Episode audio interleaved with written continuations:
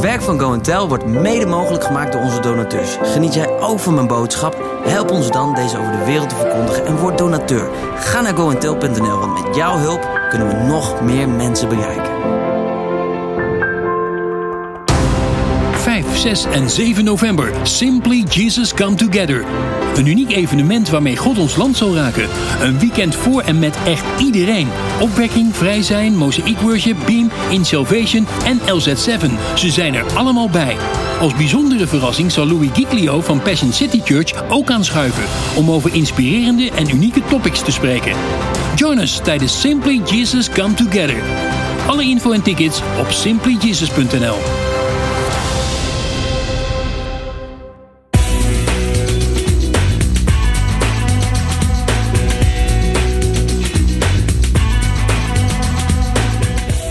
dat je er weer bent. Het wordt weer genieten. We gaan verder met de serie over Gods manier van genade. Luister naar deel 5 van Genade is voor watjes.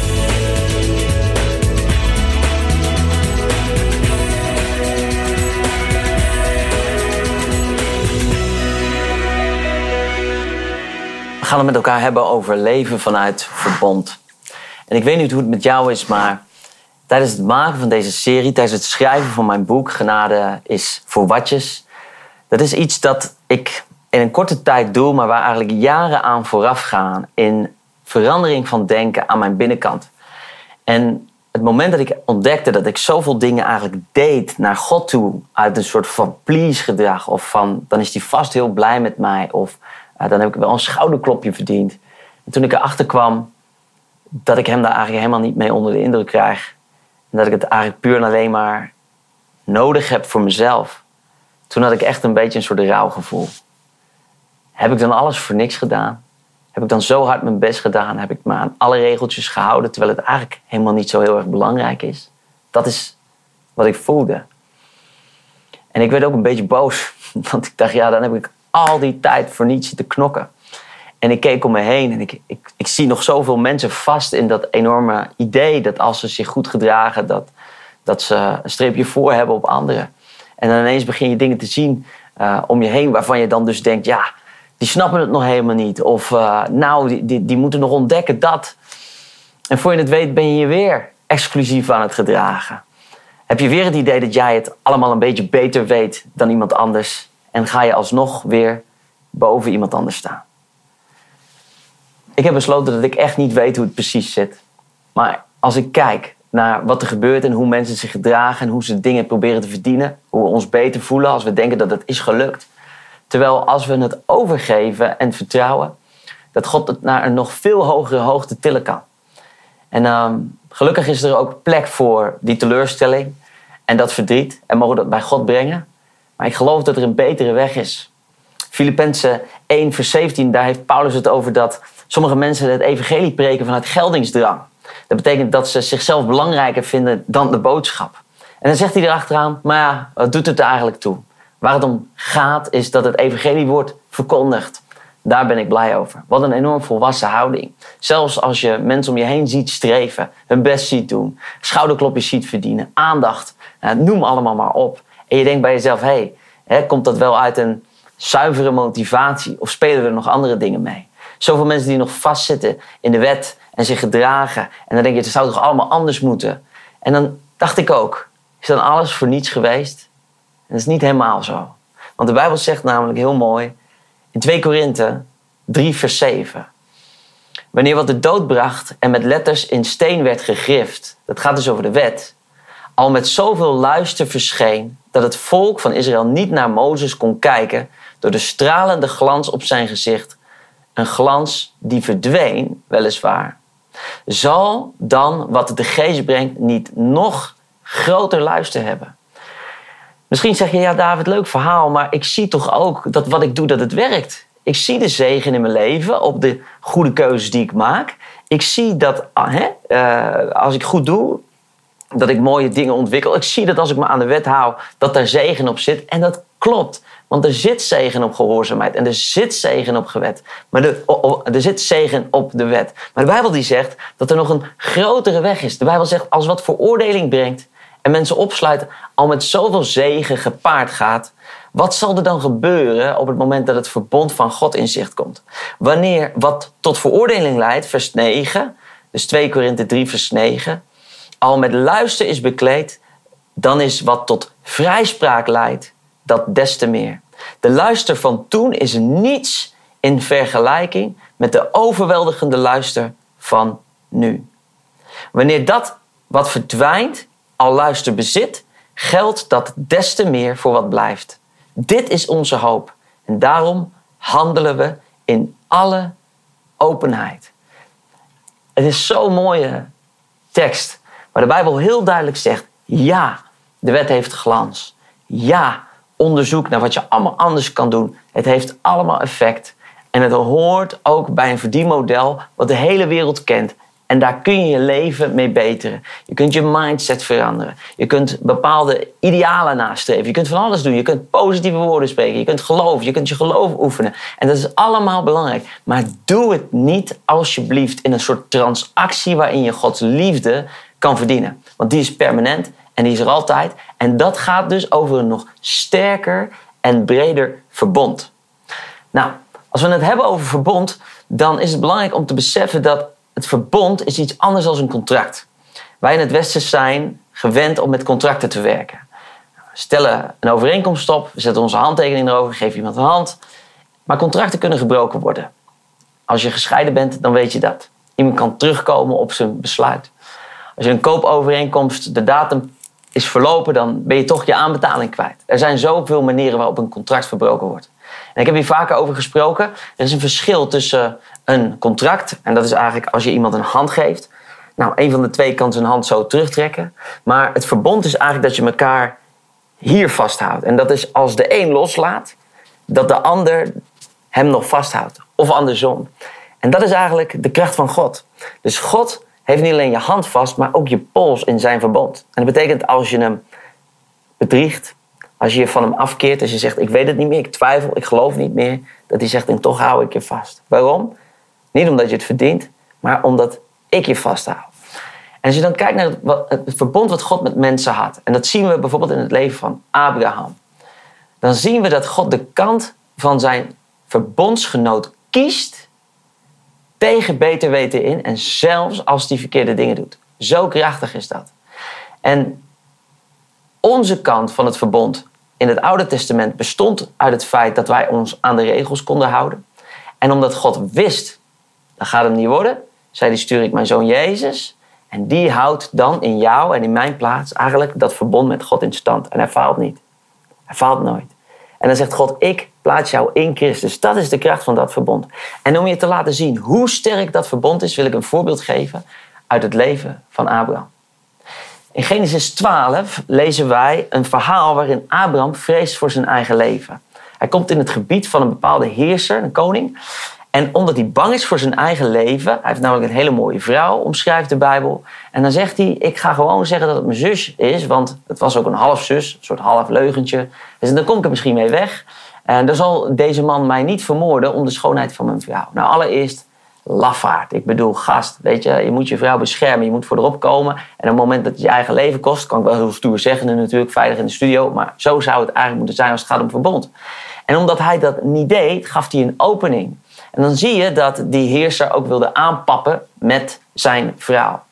En wat er dan gebeurt is dat God die keert zich tegen die persoon die zijn vrouw mee wil nemen. En niet tegen Abraham. Hij zegt niet tegen Abraham, Abraham, gast, je bent aan het liegen man. Dat is niet oké, dat, dat, kan je echt niet doen. Ook al weet ik dat het komt uit angst en dat het komt uit pijn en zo. Maar die fout zorgt ervoor dat je nu deze... Ga naar die koning, vertel het eerlijk van. Nee, nee, nee, nee. God die richt zich op zijn vijand. Omdat hij zegt, ik heb een verbond met jou. Ik draag jou.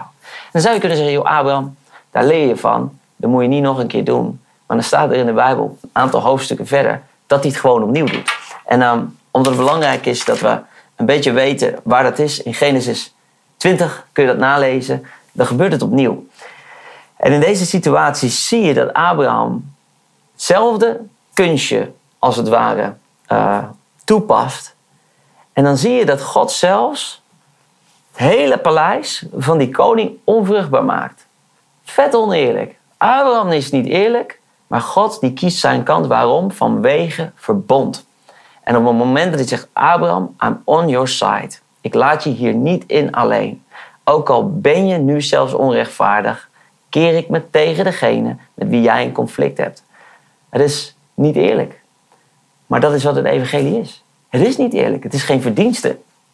Het is genade. Het is een moordenaar die bij Jezus gratie krijgt. Barabbas was zijn naam. Het is de overspelige vrouw die haar zonden worden vergeven. Het is uh, een fariseer die bij hem komt midden in de nacht. En die aan hem vraagt, Heer, hoe zit het nou precies? En aan de buitenkant misschien zijn gedrag belangrijker vond. Er zijn zoveel mensen die genade vinden in de ogen van de Heer Jezus. En toch zijn er zoveel van ons die nog vastzitten in dat oude patroon van verdienst. Als ik het goed doe en als we anderen zien die dat niet doen, dan sluiten we die buiten. En hebben we een soort exclusiviteit over wie we zijn. Maar als we in aanraking kunnen komen met de gebroken delen in ons eigen hart en ons eigen leven, kunnen we verbinden met het hart van Jezus. Die vervolgens ook weer kan verbinden met de mensen in de wereld. Er is geen mens in de wereld, naar mijn mening, die per se bezig is met het doen van slechte dingen om slechte dingen. En misschien ook wel. Maar ik zie het niet veel om me heen. En heel veel mensen zitten in onbewust gedrag vast en zijn in de diepere laag op zoek naar liefde. En dat is wat Jezus ziet. Dat is wat God ook doet.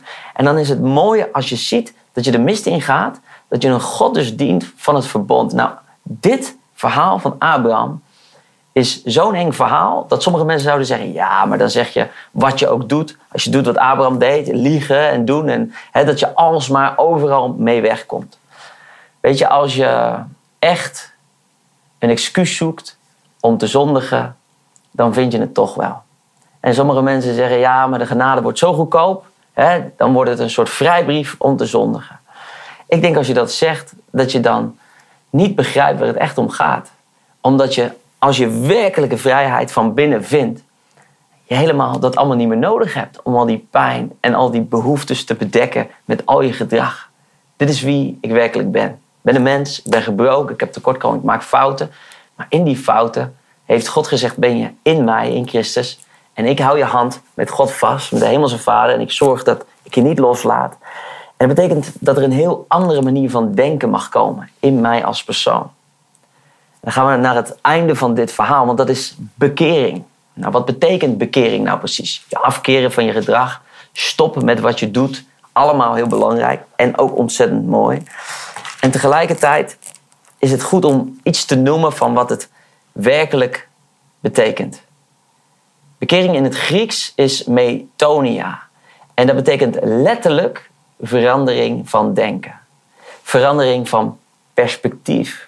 Verandering van jouw lens op de situatie. Verandering van jouw lens van hoe God je ziet. En daarom is het ook zo moeilijk, omdat verandering vraagt een stukje spiegeling en zelfkennis om naar binnen te kijken. En je af te vragen, hoe ben ik gekomen bij de gedachten die ik nu heb? Wat draag ik met me mee?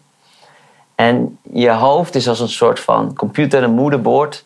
Uh, gewoon, ja, door je komaf, je familie, je ouders helemaal uh, geprogrammeerd. En op die manier kijk je en denk je. En op die manier kijk je ook naar mij. En misschien zie je iets aan mij of onze presentatie waarvan je denkt: hé, hey, dat voelt onprettig, is onbehagelijk. Maar vind je dat of is dat omdat je dat hebt meegekregen? Is dat de lens die je met je meedraagt? En leg je die op deze situatie? En als ik woorden als genade uh, gebruik of verbond en vergeving en een liefdevolle vader en je kent ze niet, dan is dat in eerste instantie iets waarvan je denkt, nou, ik weet niet of ik me daarmee kan identificeren of dat wel bij me past. En dan is mijn uitnodiging aan jou: ga eens op reis. Ga eens op zoek naar wat er in jezelf gebeurt. Neem de Bijbel erbij. Ga onderzoeken naar hoe Jezus naar die dingen keek. Jezus was altijd in conflict met mensen die het moeilijker maakten. Die de lat zo hoog legden dat de mensen het eigenlijk niet vol konden houden. Hij zei tegen de fariseeën. Hij zegt, jullie spenderen heel je tijd om één bekeerling te maken. En als je hem gevonden hebt, dan maak je hem een kind, een kind van de duivel... door hem zoveel lasten op te leggen die je eigenlijk zelf niet eens eens dragen kan. En waarom deden ze dat? Ze deden dat omdat ze zich belangrijk voelden, omdat ze gezien werden, indirect op zoek naar liefde en waardering. En ik vind het zo mooi dat Jezus ook blijft uitreiken. Sommige mensen denken dat die harde hand van Jezus naar die fariseeën, of die strenge vinger, dat het was alleen maar om te corrigeren. Of van bovenaf. Nee, nee, nee. Hij probeerde ze te breken. Jongens, kom tot het einde van jezelf. En misschien is dat wel wat we allemaal nodig hebben. Een breekpunt. Een moment waarin mensen gewoon zeggen, ja, ik weet het niet meer. Ik kom er niet meer uit. Ik loop vast. Sommigen van ons die maken dat mee in een burn-out of een situatie waarin ze overspannen zijn. En dat kan wel eens een moment van overgave zijn. Of misschien een moment van ziekte, net als Job dat had. Dan kun je blijven graven en blijven zoeken. Maar ik geloof niet dat het gaat om het graven, om het zoeken. Ik geloof, de vraag is, waar richt je je op? En dat is verandering van denken. Dat is echt bekering. Dus wat ik ben gaan leren is dat als ik de fout in ga, of dat als ik tekorten heb, dat ik lief leer zijn voor mezelf. En dat wil ik ook tegen jou zeggen. Wees eens een beetje lief voor jezelf. Kun je genade tonen naar wie jij bent? Ehm, als je gaat naar psychologie en therapie, dan leer je dat je in je leven door verschillende fases gaat en verschillende ontwikkelingen hebt. En soms daarin ook achterstanden kan ontwikkelen. En dat er in jou nog het kleine kind zit, wat bijvoorbeeld nog behoeftes heeft van vroeger. We hebben geen idee hoe we soms reageren en waarom we reageren zoals we reageren. Maar God, die weet het allemaal. En het is allemaal oké. En het mag allemaal zijn. En het mooie is dat in de kracht van het verbond daar ook ruimte voor is voor iedereen. Maar zolang wij blijven sturen op gedrag en zeggen dat is niet oké, dat mag niet.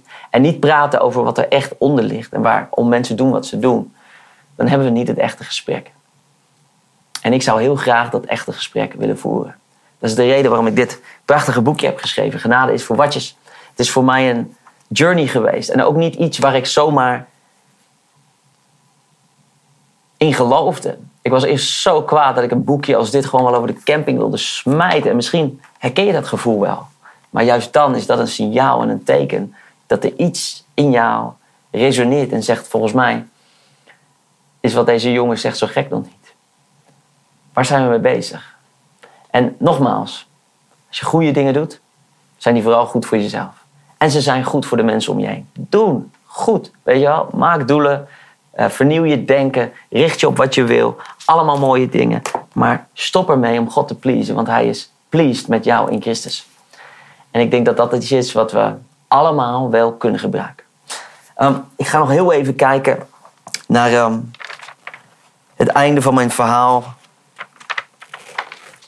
Voordat we gaan afsluiten.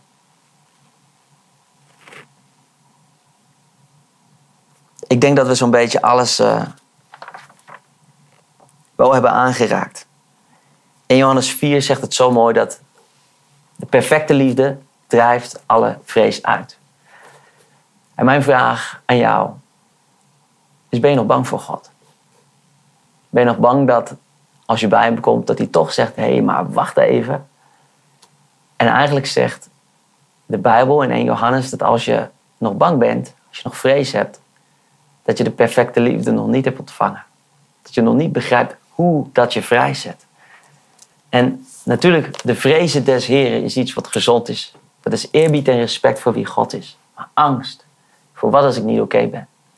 Wat als het waar is. Wat als het evangelie van Jezus echt zo krachtig is als dat de Bijbel zegt dat het is. Wat als het niet aankomt op jouw gedrag, op oorzaak en gevolg. Maar dat je mag vertrouwen en geloven in genade. Kijk, als je gelooft dat je krijgt wat je verdient, dan is dat ook alles wat je krijgt. En daar kan kracht in zitten. En dat zie ik ook om me heen. De wereld maakt er gebruik van, door middel van geloven, positiviteit en enzovoort. En dat ontvangen ze. Maar wat ze niet hebben is genade voor de delen die wat moeilijker zijn. Het leren omarmen van je schaduwdelen, waar je tekorten hebt. En het is lastig als je in een omgeving bent waarin gepredikt wordt. Ja, maar dat kan niet en dat mag niet en dat is niet oké. Maar als het er is, dan is het er. Lieve mensen, er is scheiding in de kerk. Er is tekort in de kerk. Er is veroordeling in de kerk. En dan kunnen we wel zeggen, ja, maar dat kan niet en dat mag niet. En dan stoppen we het een beetje weg, maar het is er. En als het er is, laten we het er dan gewoon over hebben. En laten we het niet hebben over het gedrag wat allemaal verkeerd is. Maar laten we het vooral hebben over wat zit daaronder. En de pijn onder christenen is identiek als die in de wereld. En misschien soms nog wel sterker vanwege al onze vrome en religieuze sausjes. Ik wil voor je bidden. Lieve Vader in de hemel, dank u wel voor deze studie. Dank u wel dat we met elkaar verbonden mochten zijn. Dat we na mochten denken over het verbond. Dat we na mochten denken over wat Jezus deed aan het kruis. Voor mij en voor iedereen die kijkt. Voor de, voor de wereld, voor de zonde van de wereld, zegt u. En dat u ook heeft beloofd, Heer, dat als we in Hem geloven en vertrouwen, dat we nooit beschaamd uitkomen. Heer, ik bid dat u alle veroordeling wegneemt in ons denken naar onszelf of naar de situaties waar we mee worstelen. Oorzaak en gevolg. En ik bid, Heer, dat we in plaats van de lenzen van de wereld of onze komaf of onze conditionering, de lens van het evangelie mogen gebruiken om naar onszelf en onze liefde en onze kerken te kijken. Daar zegen ik je mee. Ik zegen je met verandering van denken. Ik zegen je met bekering. Ik zegen je dat je weet dat God almachtig in staat is prachtige dingen te doen, ook al schieten wij tekort. En als we ons vertrouwen daarin leggen, geloof ik in een vrijheid die jou en mij zo zegenen dat er mensen om ons heen zeggen: Hé, hoe kan het dat jij zo gezegend bent? En ik weet niet waar je doorheen gaat. Ik weet niet waar je mee worstelt. Misschien zit je in een seizoen van lijden. Misschien heb je ineens eens perspectief om beter te worden. Ik bid dat God bij je zal zijn. Dat hij je zal dragen. Dat het draaglijk voor je zal zijn. Dat je vrede in je hart zult vinden. En dat de vraag, waar heb ik dat in verdiend? Op de achtergrond verdwijnt. Omdat je weet, ik vertrouw in het verbond van genade. En een God die voor mij kiest. Mij vasthoudt. En me nooit loslaat. Daar zegen ik je mee. In Jezus' naam. Tot de volgende keer. Bless you. Bye bye. Davids nieuwste boek Genade is voor watjes is nu verkrijgbaar. Voor iedereen die het lef heeft om genade recht in de ogen te kijken. Nu te koop voor 9,95. Bestel hem snel op goentel.nl.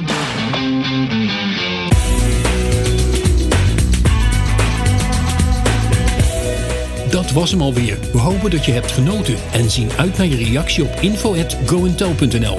Check ook onze webshop voor het boek Genade is voor watjes. En vergeet je niet aan te melden voor Simply Jesus Come Together. Alle info op onze site en in de app.